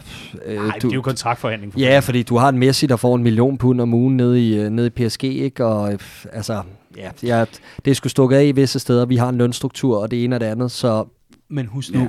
The Reds have got no money. og så videre. Ja, og, og, og rygterne lige nu er faktisk, at der ikke er, øh, eller det som det forlyder, at der faktisk ikke er forhandlinger mellem Salah og Liverpool lige nu. Altså, der bliver ikke engang snakket om det. Øh, men det var jo det samme, man fik at vide med, med øh, John Henderson, og så blev der åbenbart lige pludselig gjort rigtig meget ud af at få den på plads. Øh, så den lå klar lige til, at øh, transfervinduet lukkede, sjovt nok. Øh, så, øh, så, så, så håber jeg lysegrønt om, at han også får forlænget. Ikke? Og det er, jo, det er jo den her diskussion om, at ja, jamen, der skal også noget, der skal sgu også noget fornyelse til på et eller andet tidspunkt. Det virker bare som den forkerte mand at ofre i jagten på det, øh, mildest talt. Ikke? Mm. Ja, ja. Men øh, nok øh, kontraktdebat. Lad os da få din bæller så. Og øh, hvad er den? Ja, ja, ja, først og fremmest vil jeg sige, uh, Liverpool top of the league. Here we are with, pro- with problems at the top of the league. Ikke? Uh, det, det er selvfølgelig pisse nederen at spille uafgjort med en oprykker, og den her måde, det sker på, og nogle rigtig irriterende throwbacks og så videre. At vi har haft et let kampprogram, alt det her og stadigvæk, ikke? Eneste ubesvaret hold i Premier League, det er sgu lækkert. Øh, og så vil, så vil jeg på øh, øh, tage en her, som er lidt skæv med Neil Jones, der i dag melder, at der har været en ny afstemning om, om øh, anførerhierarkiet, efter at Gini jo er smuttet. Øh, hvor at, at øh, dem, de, de nu under øh, de anfører, vi har i forvejen, hedder Trent Alexander-Arnold, Andy Robertson og Alison Becker, der ligesom er trådt ind i øh, ledergruppen, så at sige, øh, som skal have det anførerbind helt officielt, når øh, de normale anfører ikke er med. Og det synes jeg er de helt rigtige tre spillere. Ja. Det var Så, lige dem, øh, jeg håbede på, der ville stå. Så opdateringen af kaptajngruppen er din bæller i øh, den her uge, udover at vi selvfølgelig ligger nummer et i Premier League, i hvert fald i talende stund. Ja. Yes, stærkt. Vi skal have nogle bællager, for de er rigtig, rigtig gode fra vores øh, lytter. Øh, det var birdierne også, bare roligt. Det, øh, men bællagerne, uff, det er altså godt. Morten Groth, gammel ven, god gamle Morten, han har altså en bælla, og det er et billede, han har sendt ind på, øh, på vores Copcast-side inde på Facebook, og så bare med en, en, en emoji-hånd, der ligesom lige peger ned. Fordi, hvorfor, hvorfor sige det, når man kan bruge et billede? Øhm, og det er altså vores morgenopdatering. Ja. Ja, vores mandag morgenopdatering. Det er godt nok længe siden, vi har kunnet smide den sidst, men hvor er det dog en fornøjelse at kunne gøre det. Og hvis du ikke kender til den mandag morgenopdatering, kan jeg lytte, så lad os kort lige uh, rise det op. At det handler om, at når uh, Liverpool går ind mandag morgen og ligger nummer 1 i tabellen i Premier League, så tillader vi os altså lige at tage et, uh, en screenshot af, af tabellen, og lige ønske alle en rigtig god morgen og start på ugen inde på vores Facebook-side. Og har du lyst til at være med i den her lille hyggeklub, vores lille mandag morgen hyggeklub, så bare hop ind på Redman Family øh, om morgenen mandagen, hvis vi altså ligger nummer et. Det er så dejligt. Det var he- heldigt, at Brighton havde mandagskamp i dag, hva'? Absolut. Ja. Absolut. Vi er også meget, meget glade for. Bella, vi ligger nummer et, skriver Christoffer, og øh, så er også, at han vandt en kande øl sammen med øh, sin kammerat Redman. Fordele er ikke så dumme endda. Jamen, øh, skål, skål Christoffer, og tillykke med den. Så har vi Thomas Carlsen, der byder ind med Bella. Det er Redman Family Esbjerg, som har et fedt sted at se kampene, og nogle rigtig hyggelige mennesker, der tager super godt imod fellow Reds, der kommer på Little London og ser kampene. Anbefaling hermed givet videre fra Thomas Carlsen. Mathias og flere andre, inklusive undertegnet her, har en billede, der hedder Sommerfesten i Odense. Sikke en fest, sikke et arrangement, og i, hvor jeg du glæder mig til næste år allerede nu, og øh, til at tage stor revanche. Og så må vi se, om øh, vi får dig og tasken med på samme afgang næste år. Det bliver så hyggeligt at finde ud af, Riese. Vi har altså også en øh, bella fra øh, Daniel Agergaard Kava, der skriver også, øh, i øvrigt skribent for Redman Family, skriver rigtig mange gode og kloge ting for os. Han skriver ugens bella, at selveste Ian Rush kommer til Legends Showet på Boss Tour. Høj, høj klasse, hiv sådan et navn til Danmark. Det bliver fantastisk at høre røverhistorier fra den mest scorende spiller i klubbens historie. All you need is Rush. Og så vælter det ellers ind derudover med at vågne op til endnu en godmorgen status, og jeg skal ellers komme efter dig. Det er altså dejligt at være Liverpool-fan. Det er det. Og øh, det vi gør her i Copcast, det er jo selvfølgelig lige at zoome lidt ind på, hvor kan vi gøre det bedre? Hvor kan det blive lidt mindre træls? Øh, det gør vi så ellers øh, uge efter uge, men tag ikke fejl. Vi er jublende lykkelige. Vi er også lidt trætte. Og sådan er det, fordi sådan er det at være Liverpool-fan og have det øh, festligt med fellow Reds uge efter uge. Tusind, tusind tak til alle, der har budt ind og gør det på ugenlig basis. Vi kunne ikke lave det her segment uden jer. Det gør det simpelthen så meget hyggeligere. Vi har to kampe, vi skal tale om. Vi laver en øh, ganske hurtig optag til øh, Champions League-opgøret mod Porto, og så varmer vi ellers op til topbraget og den sidste Premier League-kamp inden landskampspausen, når vi møder Manchester City. Tirsdag aften skal Liverpool igen i aktion i Champions League. Og den her gang så øh, omhandler det udkampen mod FC Porto. Da det er et opgør, der spilles ja, tirsdag aften, når vi sidder her, tir, undskyld, mandag eftermiddag, begyndende aften, så øh, skal vi ganske kort komme forbi den, fordi det er simpelthen så pøllet at lave 20 minutters optag til en kamp, øh, når den bliver spillet lige om lidt når du hører det her, kære lytter. Så i stedet for, så vil vi være ganske skarpe på, hvordan øh, Liverpool skal gribe opgøret an, når man nu også har en rigtig, rigtig vigtig kamp i weekenden. Og når vi nu i forvejen står med lidt skadesudfordringer på midtbanen, når folk de går og sparker ned i jorden og alt muligt andet galt. Så Clark, lad høre, hvordan skal Jürgen Klopp og trænerstaben øh, gribe det her opgør an mod FC Porto?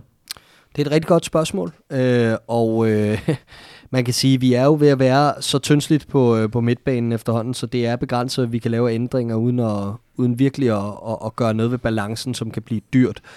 Og det er jo ikke en gratis kamp, den her Porto Away. Det er en kamp, som jeg rigtig gerne ser, at vi får minimum et point i, fordi så begynder det ligesom, får vi et point eller tre nede i Porto, så begynder der at være sådan en, øhm, et overskud i forhold til, at vi kan begynde at spare lidt mere i Champions League hen over efteråret, når det begynder for alvor at blive, øh, blive et tæt kampprogram. Vi er jo først lige begyndt, og, øh, og vi er jo i den her dynamitpulje, hvor at, jeg, jeg tror, det kan vise sig at blive utrolig vigtigt, det mål Jordan Henderson lavede øh, på hjemmebanen, i forhold til, at vi netop kan være på, på front foot, og ikke skulle indhente noget til sidst i gruppen, hvor vi samtidig skal jonglere med ligaen. Så for mig at se, så håber jeg ikke på for mange ændringer. Øh, jeg håber egentlig, vi holder nogenlunde fast i skelettet. Max ændrer to til tre positioner. Øh, muligvis en i hver kæde. Og så ellers øh, forbereder os til, til kampen på søndag mod Manchester City med en, med en stabil præstation. Grise. Hvad gør man? FC Porto tirsdag aften og Manchester City på søndag. Hvordan øh, får man øh, fordelt boldene her? Jamen, der er jo ligesom to muligheder. Den ene der er at sige, så spiller vi, øh, så spiller vi andet hold mod Porto, og så øh, går all in mod, øh, mod City, ikke? Øh, hvor vi har set Jørgen Klopp tidligere der lave den, der hedder øh, rimelig store ændringer, øh, hvor det er meget tydeligt, at en af kampene bliver der satset lidt på, og øh, ja, den næste kamp bliver der sat så meget på, ikke? Øh, eller omvendt. Øh, og så vidt jeg husker, var det blandt andet sådan en kamp, vi havde nede i, øh, i, i Beograd, hvor der blev roteret rimelig meget, og vi var rimelig dårlige. Øh, så jeg tror, at vi... Øh, Never forget, ja, da præcis. elektrikeren kom forbi og lagde strøm. øh, så jeg er også en, en væsentlig større fan af den uh, tilgang, der hedder, at man, øh, man roterer øh, tilpas, men uden at det går for meget ud over kontinuiteten på, øh, på holdet. Øh, og det er meget nemt at sige, og noget sværere at, øh, at udføre. Ikke? Yes. Øh, ja, men, jeg, men jeg, jeg tror også, det bliver, det, bliver, det bliver den tilgang, vi ser. Vi ser en 3-4 ændringer, måske endda nede i Porto, også stærkeste opstilling mod, øh, mod City. Jeg kender flere medfans, der lytter med hver evig eneste uge, der sidder allerede nu, kan jeg høre, i varevognen, eller bilen, eller toget, og sidder og, og banker ned i sædet og siger, så kom dog med nogle navne for ja, pokker. Kostas Timikas kommer til at spille på venstre bak, og så bliver det enten Konaté eller Gomes øh, inden centralt. Og så er spørgsmålet, om der overhovedet bliver ændret nogen på midten, og så kommer Firmino ind op foran. Der bliver Helt enig. Helt, Helt enig. Jamen, øh, fornemt. Skal vi så også lige have et bud på resultatet, nu hvor vi er her? Inden vi kaster os over... Øh jeg tror, vi spiller 1-1. Vi spiller 1-1? Mm. Okay. Porto får simpelthen krammer på os og får hede... Nej, det er et fint resultat for os. Okay. Nå, jeg vil være skuffet. Men øh, her er vi. Du tror ikke, at Vitor Martos og Pep Linders og sådan noget lige har lidt insider? De går ind og sparker den ind, eller? Nej, sgu da, men at de hjælper Klopp til at sørge for en sejr. Det tror jeg, de prøver hver gang. Ja, men, uh... Nej, det er kun hver anden nu, Clark. Ja. Hvad fanden er det for noget? Ja, det Selvfølgelig det. gør de det. Nej, det er jo fordi, de har en, en øh, fortid klubben og kender godt til den og så videre. Ja. Så Altså, ja, men... men altså, det er jo en altså- modstander, vi kender godt. Jeg tror, hvis det var en kamp, vi skulle ned og vinde, og vi skulle opprioritere at stille stærkeste opstilling, så gik vi også ned og slå på Porto. Jeg tror bare, at vi er også nødt til at jonglere øh, og, og finde ud af, hvor energien skal lægge, så det er fuld fart på frem mod på søndag. Godt. Jamen, øh, vi vinder 3-0. Men øh, Riese, Øh, jamen, for det første så tror jeg, at, at sådan set Liverpool er ret godt forberedt på Porto. Det er også en klub, vi har mødt et par gange her mm. øh, øh de seneste år. Øh, jeg følger ikke selv minutøs med i den portugisiske liga, men alle forlydende går på, at det er et bedre Porto-hold, vi skal møde den her gang. Bedre sammenspillet. Øh, på trods af, at, at Benfica øh, fører ligaen lige nu, har vundet alle deres syv kampe, så, så, så, så lyder det som om, at, at det her Porto-hold faktisk er bedre, end, end det vi har været op mod tidligere. Har, Øh, blandt andet en vis Pepe nede i midterforsvaret, som altid er øh, helt forfærdelig at møde. Øh, jeg, jeg, jeg kunne også sagtens se en, en uafgjort, men nu har Clark taget den, så siger jeg en, øh, en snæver 2-1 til Liverpool. En snæver 2-1, og jeg, jeg giver altså fuld valuta for pengene med en European Night, der ender 3-0 til Liverpool. Vidunderligt. Det bliver, øh, det bliver altså rigtig godt.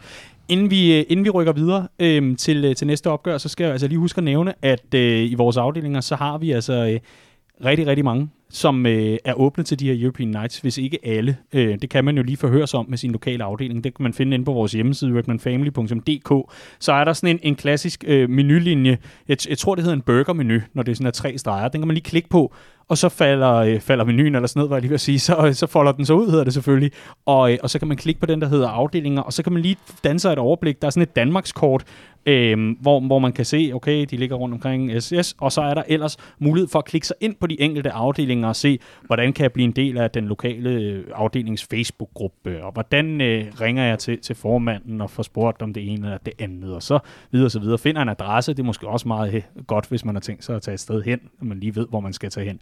Det kan man altså gøre ind på redmanfamily.dk-afdelinger, og det er bare super hyggeligt, men altså også den, den har altså lige det ekstra gnist, sådan en European Night med, med fellow Reds. Den er, den er altså lidt sjovere end uh, bare Peter Grønborg alene hjemme på sofaen. Så kom ud og se noget uh, europæisk fodbold med Liverpool i, uh, ja, i nøglerollen. Og uh, kom ud og nyd den 3-0 sejr, som jeg altså uh, ikke garanterer, men... men uh, nu trækker du i land. Ah, okay, så garanterer jeg den. 3-0 sejr, og uh, hvis det ikke bliver sådan, så, så må jeg give 0. Det må finder vi ud af. Vi rykker i hvert fald videre til øh, søndagens store opgør, og øh, dermed også afslutningen på det her heat af øh, syv kampe på 22 dage, tror jeg det var.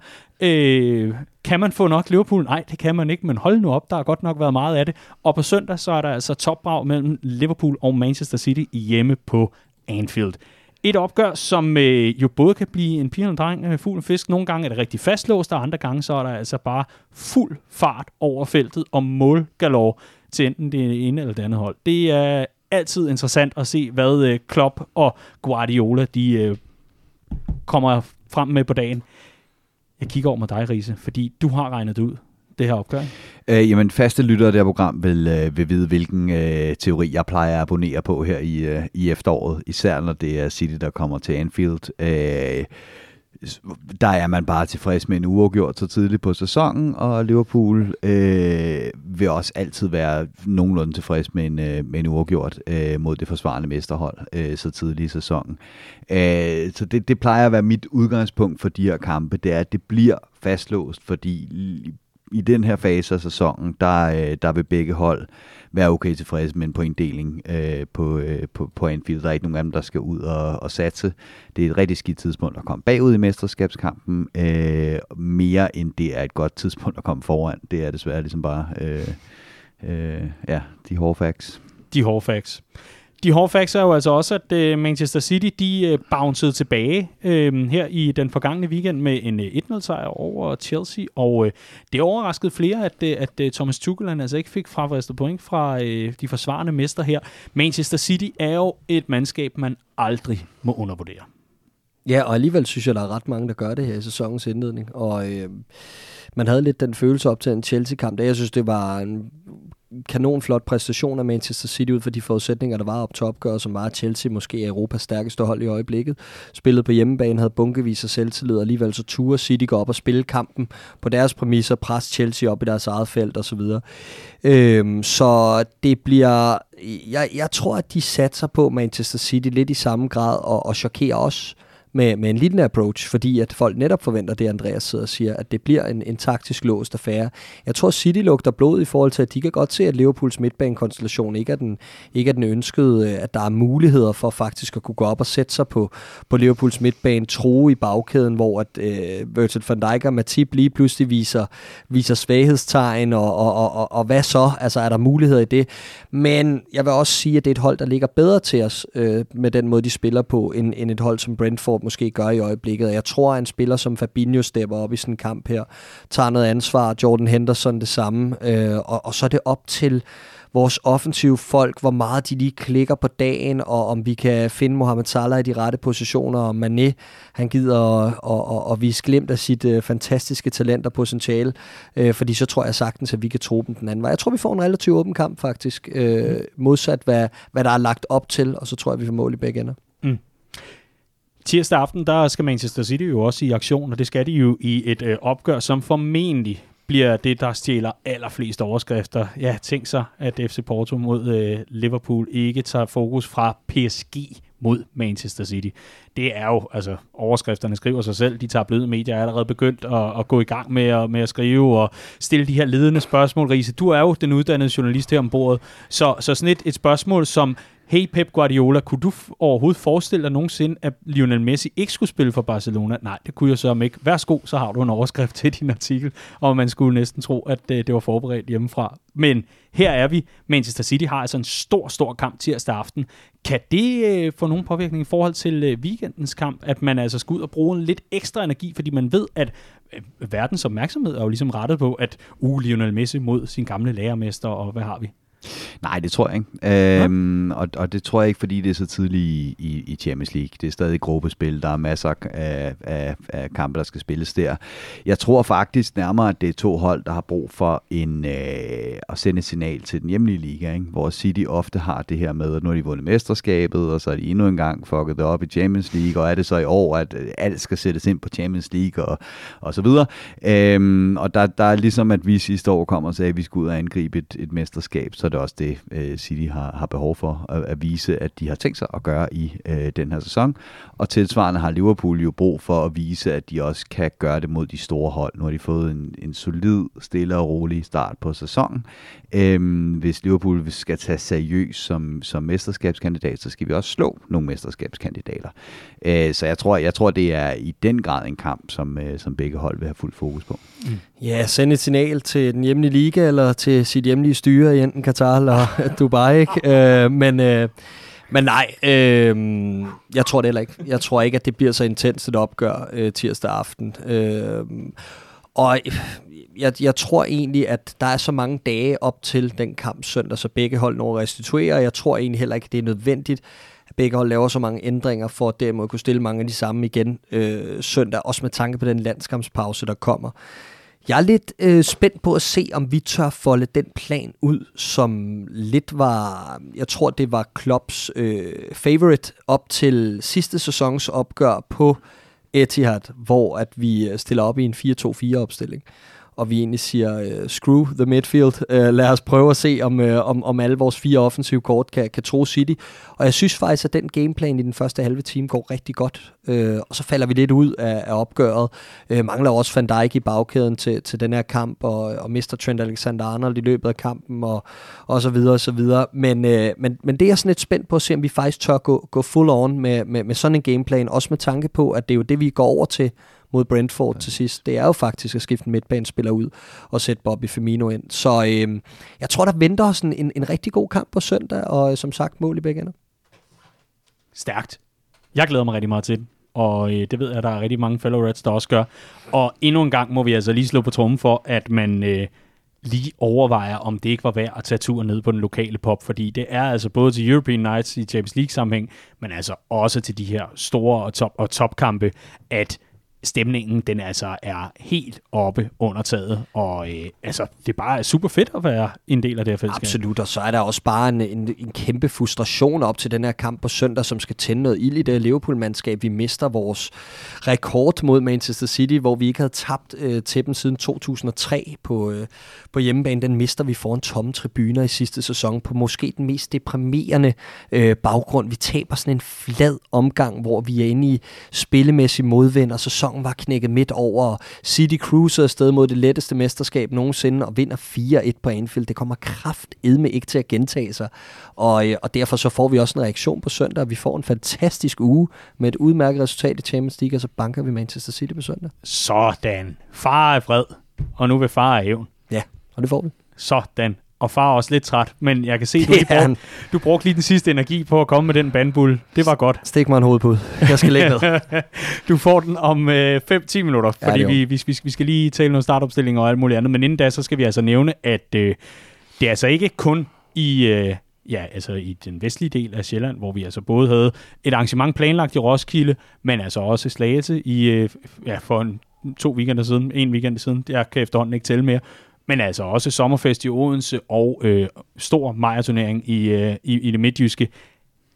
Der er tre års fødselsdag for Redman Family i København på Old Irish Pub, mm. vores øh, hjemmebane. Nu har vi simpelthen været der i tre år. øh, efter at øh, vi til sidst ikke kunne være flere mennesker fysisk nede på Café Ludvigsen nede på Vesterbrogade. Øh, legendarisk sted, absolut. Legendariske aftener, absolut.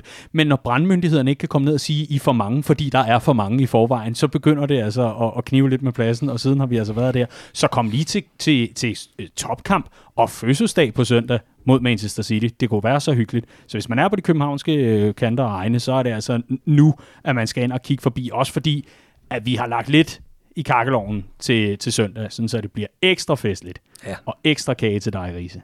Godt. Ja, yeah, Ja. det har du fortjent. Tak. Åh, oh, var det godt. Men du har kun fortjent det, hvis du kan fortælle mig, hvem Liverpool bør stille med, og hvad kampen minder. Øh, jamen, øh, jeg går med min, øh, med min godt feeling og den nederen her og siger 1-1 øh, i noget, der bliver meget fastlåst. Øh, jeg er lidt spændt på, hvordan vi stiller op. Jeg er ikke egentlig ikke i tvivl om, at, at de fem bagerste giver sig selv med øh, Matip som marker til, øh, til Van Dijk.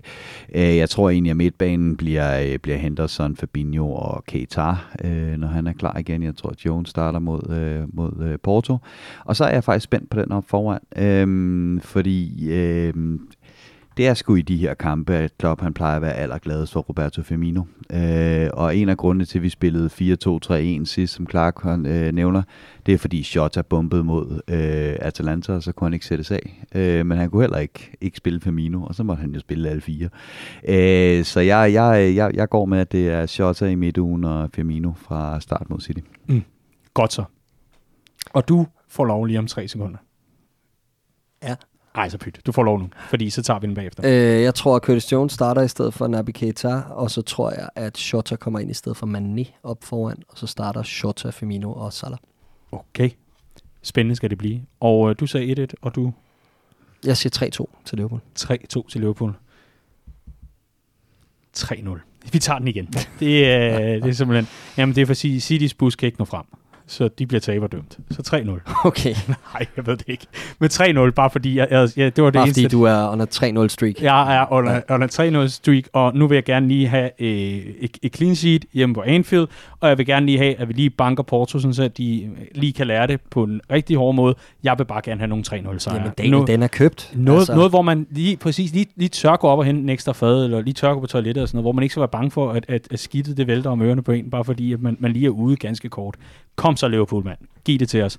Og ind over med nogle flere fellow Reds, fordi vi har snart ikke flere billetter tilbage til vores boss tour Danmark, og det er altså også ganske vigtigt for os at understrege endnu en gang. Det er vores første nationale events i to år, gud døde med. Hold nu op, det er, er det lige præcis, eller er det ved at være? Er det i dag, eller? Oha, det er Det- næsten lige præcis to år siden, Det, at det er vi... faktisk i morgen, at det er to år siden. Det er i at vi morgen, afholdt Boss Night på Frederiksberg. Ja, og Riese, kan du ikke tage os igennem det mål, der gjorde, at det blev en endnu mere festlig dag? Hvad var det, der skete, da øh, Gini Wijnaldum fik bolden serveret for fødderne? Ja, men det er jo en af de, øh, de ting, som kloge fodboldspillere ved, det er, at det ofte er mellem benene, der er øh, på målmanden, der er det rigtige sted at afslutte, fordi det kan godt være svært at, at dække som keeper, når man ligesom har taget mm. en, øh, en, en position. Så det så Gini, og så høvlede han den mellem øh, benene på Dean Anderson. Ja, det gjorde han nemlig. I øh, vores 1-0-sejr mod Sheffield United. Drømmemål. Der er det- Drømmemål. Og det, man husker Gini for, ja, ja, der var noget med Barcelona, det er fint. Det var målet, der gjorde det. Og det blev en mindeværdig dag på øh, Frederiksberg Old Irish Pop, og der vender vi altså tilbage i det københavnske event, mens i Aarhus, der er det altså på Coupé. Lige nu, der er der i talende stund 117 billetter tilbage til Aarhus arrangementet, mens København har 164 billetter tilbage, og vi mangler altså stadig at afsløre en legende, der kommer, plus at der altså også er noget mere lir på dagen end, forstå mig ret, bare musik. I Aarhus, der er det altså selvfølgelig musik og legendeshow, og jeg skal ellers komme efter dig, mens der i København dagen efter altså også er kampvisning, Liverpools kamp mod Watford. Så der er altså alt muligt god grund til at dukke op et af stederne, om ikke andet så i hvert fald for at få en kæmpe fest og synge med på nogle af de sange, du kan, og måske skal nu at lære. Der er masser af YouTube-klip der angår ind og søg Boss Night Copenhagen inde på YouTube og gå i gang med at lære hele kataloget. Det bliver en fremragende dag redmanfamily.dk-boss er stedet, hvor du kan læse alt om arrangementerne. Og der har vi altså også sådan en FAQ med alle mulige spørgsmål, som måske ikke lige er blevet besvaret i første omgang. Der har vi prøvet at samle øh, og nej, ikke hvor gammel en rev bliver, men så meget andet har vi i hvert fald samlet derinde, hvor man altså kan blive klogere på arrangementerne. redmanfamily.dk-boss. Hvis du er medlem, så kan du få billetter for bare 175 kroner, mens almindelige billetter altså koster 250. Så igen, god medlemsfordel lige der. Altså det, der gør det svært, den der diskussion med reven, det er jo, at kun 6% af alle ræve bliver over tre år gamle i naturen, ikke? fordi de, øh, de dør på grund af jagt og sygdom. Så går man efter gennemsnitsalderen for en rev, eller maksalderen for en rev. Det er, det er ret vigtigt. Clark, hvad synes du? Ja, det har været en lang mandag. det har det også, og du har været dygtig, har du. Det Tak har du både her i. Copcast, men altså også i PL-show, som er vores Premier League-podcast, som vi laver med ham United-fanen. Så hvis man lige skal have et lille smil på over at høre en United-fan brænde fuldstændig sammen over, at det er Ole Gunnar Solskjaer er stadig er manager, så er det PL-show, man skal ind og høre. lidt sjovt. Det er faktisk ret det er sjovt. sjovt. Det er... Altså, lad, lad mig sige det sådan, vi, vi åbner delen med United-snakken med lige et citat fra Ole, der står og siger noget med, at Bue Bæ og Aston Villa spiller er tavlige og alt muligt andet, og så går Bruno ellers hen og brager et straffespark over. Og så starter Jonathan med at suge så meget luft ind, at jeg begynder at blive nervøs for, om han drætter om lige om lidt, og så kommer han med det største suk i verden. Det er podcast-historie allerede der, og det er ganske fornøjeligt at lytte til. Så Poetry in motion. Absolut. Men, men Riese, hvad synes du selv i forhold til det med reven? Fordi det kan jeg ikke komme væk fra igen. Jeg har jo Ej, jeg, jeg, jeg har altid været, øh, været, været den, der gik efter, så, så øh, The Silver Lining, gik efter maksalderen på en rev, som altså er mellem 10 og 12 år, selvom det oftest kun er i fangenskab, at de, de kan blive så gamle. Hvor, hvorfor er det, du ved det her? Øh, igen, fordi at øh, jeg læste op på det på et tidspunkt i mit liv, hvor at, øh, blandt andet jeg også lærte hele teksten til den øh, navnkundige rap-sang Informer med Snow, øh, som jeg også kan hele teksten til den dag i dag, fordi at min hjerne sugede til sig som en svamp på det tidspunkt, er fuldstændig ligegyldig viden. Men øh, hvad skal du have serveret, for at du så giver en smagsprøve på, at du kan hele teksten til Informer? Det, Det kan man jo finde ud af til Boss Night. det kan man finde ud af til Boss Night. Og hvor kommer du til? Hvilket arrangement kommer du til? Jeg kommer i hvert fald til, øh, til det aarhusianske, men øh, ikke sikkert til det københavnske, fordi jeg skal på noget ferie.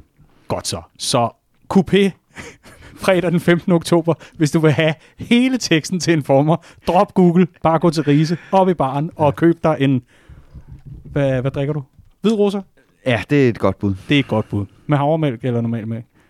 Øh, det, er- det er ligegyldigt. er Det altså, der skal alligevel, det er meget misforstået det der med, hvor meget mælk folk pop, øh, popper i en White Russian. Ikke? Det hedder Jo. a dash of milk. Man skal helst ikke kunne smage Lige præcis. mælken alligevel. Den, den grimme smag af, Ja. af Arla og alt muligt andet. Præcis. Clark, nu skal du have lov til at få den hovedbud. Tak skal du have. Tusind tak for øh, endnu en forrygende Copcast. Og i lige måde, Dan. Og sov godt. Tak.